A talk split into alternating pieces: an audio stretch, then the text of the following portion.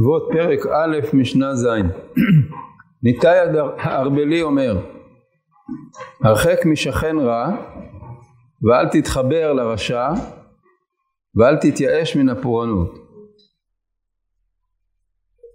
פה שלושה דברים שלכאורה השניים הראשונים אומרים כמעט אותו דבר אבל לא, יש הבדל גדול בין שכן רע לבין רשע. שכן רע זה מישהו שהוא לא רק שהוא לא נחמד איתך, הוא לא עוזר לך, הוא לא גורם לזה שאתה תרגיש נעים בשכנות שלו, אלא שהוא יכול לפעמים גם להציק, אה, להתעקש על כל מיני דברים. אנחנו יודעים שהעניין של שכנות זה דבר לא פשוט, אנשים חיים זה בצד זה במשך אה, זמן ממושך, זה לא משהו ארעי, זה אנשים שמתחככים זה בזה במשך אה, זמן רב, לפעמים כל החיים, אנשים גרים בבית ועל ידם יש מישהו אחר שהוא לא נחמד והוא אה, הרבה פעמים מסתכסך איתם על דברים של מה בכך ובמקום להיות מי שעוזר ונותן אווירה טובה הוא גורם אה, לכל מיני אה, הרגשות אה, לא נוחות. אז ניתאי אומר, תחשוב על זה מראש, אתה הולך לגור, היום אנשים יותר בקלות עוברים דירה, אבל לא תמיד זה היה כך, היו תקופות שבן אדם סוף סוף מצא בית שהוא שלו, והיה יושב בו כל החיים. אז לחשוב על זה מראש, אם, אם יש לך אפשרות לא להיות על יד שכן שהוא שכן רע. עצה טובה כמה שמלת. אבל אל תתחבר לרשע, זה הרבה יותר uh, חמור. רשע זה לא סתם uh, שכן רע. רשע זה אדם שהוא רשע ב- בכל uh, אורחות חייו, הוא ההפך מצדיק, הוא אדם שלא מקיים את המצוות, שהוא פושע, שהוא עושה דברים אה, חמורים, אז אל תתחבר. מה פירוש מה וכיה? היינו חושבים שראוי להתחבר עם רשע? אז הרמב"ם אומר, אל תתחבר לרשע איזה מין שיהיה ממיני החברות. כלומר, אולי תגיד לעצמך שבסדר, אני לא חבר שלו במובן של, אה, אני לא הולך יחד איתו לבית המדרש, או דברים אחרים שהם מאוד משמעותיים, אני בסך הכל אה, עושה איתו איזה עסק. אז אומרים, אומר התנא, אל תתחבר לרשע בשום, בשום מין ממיני החברות, כי אדם שהוא רשע, הוא יכשיל אותך, כדי שלא תלמד ממעשיו. בן אדם שמתחבר לרשע הוא לאט לאט מושפע ממנו, כי הרמב"ם אומר כבר ביארנו בפרקים הקודמים, דהיינו ב, בשמונה פרקים שהם ההקדמה למסכת אבות, שהפחיתויות ייכנעו בהתערבות עם הרשעים. אדם לומד מסביבתו, יש אה, לשון אה, מפורסמת שהרמב"ם מצטט אותה בשם אריסטו במורה נבוכים, האדם הוא מדיני בטבע, כלומר הוא חברתי, מדיני הכוונה חברתי. האדם הוא חברתי בטבעו. אדם שהוא נמצא עם אנשים אחרים, לא חשוב באיזה הקשר, הוא מושפע מהם, או שהוא אה, מצליח להשפיע עליהם, או שהם משפיעים עליו, או שני הדברים כאחד. הוא משפיע עליהם והם משפיעים עליו. אז אם זה רשע, צריך להתרחק ממנו לגמרי. לא לעשות איתו שום עסק, ולא להיות איתו בשום אה, שותפות, אפילו לא שהיא מעשית בלבד. כי אין דבר כזה שלא, שלא מושפע. נו, אז אה, מה נאמר לגבי אה, שירות בצבא? למשל, הרמב"ם אמר שאחד מהסוגים של החברות זה חברות תועלת שהיא כמו חברות של המפקד והחיילים. דהיינו חברות בצבא זה חברות שמטרתה אחת, התועלת. אז אם יש חס וחלילה אנשים שהם רשעים, אז היה צריך להתרחק מחברתם. אבל אה, אנחנו למדנו מהרמב"ם במקומות אחרים, בעיקר בהלכות ממרים בפרק שלישי, שהרמב"ם אומר שם את המושג, הוא תובע שם את המושג הזה של תינוק שנשבע. לא שהוא המציא את המושג, המושג נמצא בגמרא, אבל את ההקשר שלו הרמב"ם המציא. מה הרמב"ם אומר? שלפעמים אדם שקיבל חינוך גרוע, והוא מבחינת מישהו מזלזל בכל דבר, בכל המצוות, אין מה לדבר שהוא לא שומר שבת ולא מקיים מצוות אחרות, אלא הוא בבחינת אה, אפיקורס גמור. אז אולי חלילה כתוב שאסור להתחבר לרשע. אז התשובה של הרמב"ם היא שמי שאיננו שומר מצוות מפני שהוא התחנך כך, הוא לא נקרא רשע בשום אופן לא. אדרבה, הוא נקרא תינוק שנשבע. דהיינו, שהוא לא למד יהדות, הוא לא למד תורה, לא, לא חינכו אותו בדרך, בדרך, בדרכי השם, וזאת לא אשמתו, ככה הוא גדל, ולכן, אדרבה, אומר הרמב"ם, צריך לקרב אל אדם כזה, צריך להתחבר אליו כדי להשפיע עליו, כלומר, הדבר הזה של כדי שלא תלמד ממעשיו, שלא תושפע ממנו, זה כאשר יש בן אדם שהוא רשע, ברצון. הוא רשע, הוא היה יכול להיות אחרת, אבל הוא, לבחירתו הוא רשע. אז מאחד כזה תתרחק. אבל אם זה אדם שהוא בבחינת רשע בעל כורחו כביכול, הוא לא נקרא רשע, הוא נקרא שבוי, הוא שבוי בחינוך הלא טוב שהוא קיבל. אז עליו לא נאמר, אל תתחבר לרשע. אדרבה, אומר הרמב"ם, תקרב אותו, ת, ת, ת, תשתדל להשפיע אתה עליו. כלומר, ודאי שאם אתם עושים יחד משהו שהוא תועלת, אז זה לא צריך למנוע ממך להתחבר אליו, אלא במקום להיות מושפע ממנו, יגרום לזה שהוא יכיר את הדרך שלך.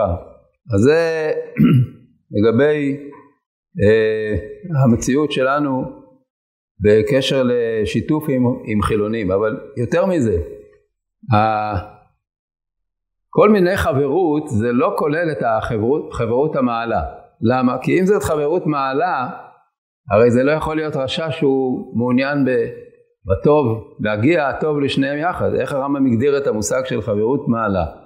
כאשר אנשים אה, משתתפים באיזה דבר שהוא אידיאל, בדבר שהוא טוב כשלעצמו, או שהם לומדים ביחד תורה, או שהם עוסקים ביחד באיזה מעשים טובים.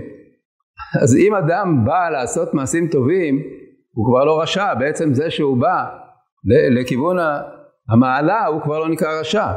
אז ודאי שמי שהולך להצטרף לצבא הגנה לישראל ולהילחם, הוא כבר בעצם הדבר הזה, הוא כבר מתחבר למעלה, והתחברות למעלה זה כבר לא יכול להיות מצב של רשע. אז גם במובן הזה אין כאן אה, ההוראה הזאת של אל תתחבר לרשע. הדבר השלישי, אל תתייאש מן הפורענות, יש אה, לרמב"ם פירוש שהוא לכאורה לא הפשט הפשוט. הרמב"ם אומר, ואמר, שאם תחטא או תראה חוטא, אל תבטח ותאמר שהשם יענוש בעולם הבא בלבד, אלא אל תתייאש מן הפורענות בעולם הזה על החטא ההוא. אנחנו היינו לכאורה מבינים את הביטוי הזה, אל תתייאש מן הפורענות, שאם חס וחלילה בא על בן אדם פורענות, אז שלא לא יתייאש, שלא יהפוך, ל, לא ייכנס לייאוש. אבל הרמב"ם אה, מפרש את הביטוי אל תתייאש במובן הרגיל בדברי חז"ל. בדברי חז"ל המושג ייאוש, אנחנו הרי יודעים את זה מה, מהגמרא, מהסוגיות, ייאוש זה לא בן אדם שהוא מיואש, הוא מדוכא, הוא לא יודע מה יהיה איתו. ייאוש זה במובן מאוד פשוט, זה כשאדם איבד משהו, הוא התייאש ממנו, כלומר הוא לא חושב שהוא ימצא אותו. או אה, ייאוש מאיזשהו דבר שהוא חשב לעשות אותו ובסופו של דבר הוא יתייאש, הוא לא, כבר לא יעשה אותו, הוא כבר יודע שזה כבר לא יקרה. זה לא ייאוש במובן הפסיכולוגי, זה במובן פשוט מאוד. אז הוא אומר, גם כאן זאת הכוונה אל תתייאש. אל תתייאש, כלומר אל תחשוב שהדבר כבר לא יהיה. מה? מה לא יהיה? אל תחשוב שהפורענות לא תהיה אז. באיזה, באיזה הקשר? זה אומר, אם אתה חושב שצריכה לבוא פורענות, כלומר שצריך לבוא עונש, אם זה על אדם, שעצ... על האדם עצמו שהוא חטא, והוא חושב הנה חטאתי ולא קרה לי שום דבר, או תראה חוטא אחר, והוא מבסוט ולא, אין לו שום, שום עונש לא, לא קיבל על זה, אז אל תתייאש מן הפורענות, כלומר אל תחשוב שאם אתה לא רואה עכשיו את העונש, פירוש הדבר שזה גם לא יהיה. הרבה דברים שהקדוש ברוך הוא מעריך את הפועליהם, אבל בסופו של דבר הפורענות מגיעה, העונש מגיע גם בעולם הזה. זה לא, עונש זה לא רק דבר שהוא בעולם הבא. הרבה דברים שקורים בעולם, שהאדם נדמה לו כאילו ש... בסדר, לא יקרה שום דבר במציאות הממשית, בסופו של דבר, חס ושלום, אה, הפורענות הזאת מגיעה בעולם הזה. אז איזה מין הדרכה זאת? לפי מה שחשבנו באבא אמינא אל תתייאש מן הפורענות זה שאדם אסור לו להתייאש, כלומר להגיע למצב של ייאוש ודיכאון ואומללות מזה שקורה לו דבר לא טוב. אבל לא, זה לא הפשט לפי הרמב"ם. לפי הרמב"ם הפשט הוא להפך, שבן אדם ששאנן ושלב ונדמה לו שהוא יכול לעשות מה שהוא רוצה ולא יקרה לו שום דבר, לכל היותר הוא מאמין בעולם הבא, אז בעולם הבא יקבל עונש, אבל בעולם הזה כאילו הכל בסדר. הוא אומר אל תתייאש מן הפורענות, אל תחשוב שהפורענות לא תגיע. בסופו של דבר היא, היא עלולה להגיע וזה חלק מה... מה מנטליות של אדם שהוא ירא שמיים, שהוא מבין שעל מעשים לא טובים יש תוצאות לא טובות, אין, אה, אי אפשר להתחמק מזה, אי אפשר להגיד אה, שום דבר לא יקרה, אולי בעולם הבא, טוב אני לא, לא מוטרד עכשיו ממה שיהיה בעולם הבא. לא, גם בעולם הזה. זה קשור גם למה שעברנו ב, בתקופה האחרונה עם כל, ה, כל ה, מה שנקרא הקיטוב שהיה בעם ישראל. כל השנאות האלה שהיו, וכל אה, ההאשמות ההדדיות הקשות שהיו, וכאילו חושבים שדבר כזה עובר ולא לא יקרה כלום, נמשיך לעשות הפגנות, אלה נגד אלה ואלה נגד אלה. ולצערנו הרב קורה בסופו של דבר מה שקורה ואז בן אדם מבין שהעולם הוא לא הפקר. אם יש אה, דברים שהם אה, מבחינת חטא, אז על חטא יש עונש, וזה חלק מהיסודות מה, של האמונה, הרמב"ם מביא את העניין הזה של יראת העונש, אמרתי את זה כבר פעם, בהגדרת המצווה של היראה בספר המצוות, והוא אומר שהיראה זה בעצם מצווה של אמונה. איפה הוא אומר את זה? דיברנו על זה בשבת. שהוא אומר שכל המצוות מתחלקות לארבעה סוגים. יש מצוות של אמונה, מצוות של מעשה, מצוות של דיבור, מצוות של מידות. אז במצוות של האמונה הוא כולל את ייחוד השם, אהבתו ויראתו. כלומר, אתה צריך להאמין שיש, שיש יראה. להאמין ביראה, להאמין שהיראה זה דבר שהוא ממשי, קיים. זה חלק מיראת שמיים להאמין גם ביראת העונש. זה לא חוכמה לחשוב ש... לדעת, לדעת את השם, להאמין בהשם, ל... ל... לאהוב את השם, כלומר לאהוב את uh, חוכמתו ואת גדלותו ואת זה שהוא כולם בחוכמה עשית, שזה שיטת הרמב"ם לגבי מושג האהבה, אז על היראה הוא אומר זה להאמין, להאמין גם ביראת עונשו. זה חלק מהעניין של, של התפיסה האמונית של מציאות השם.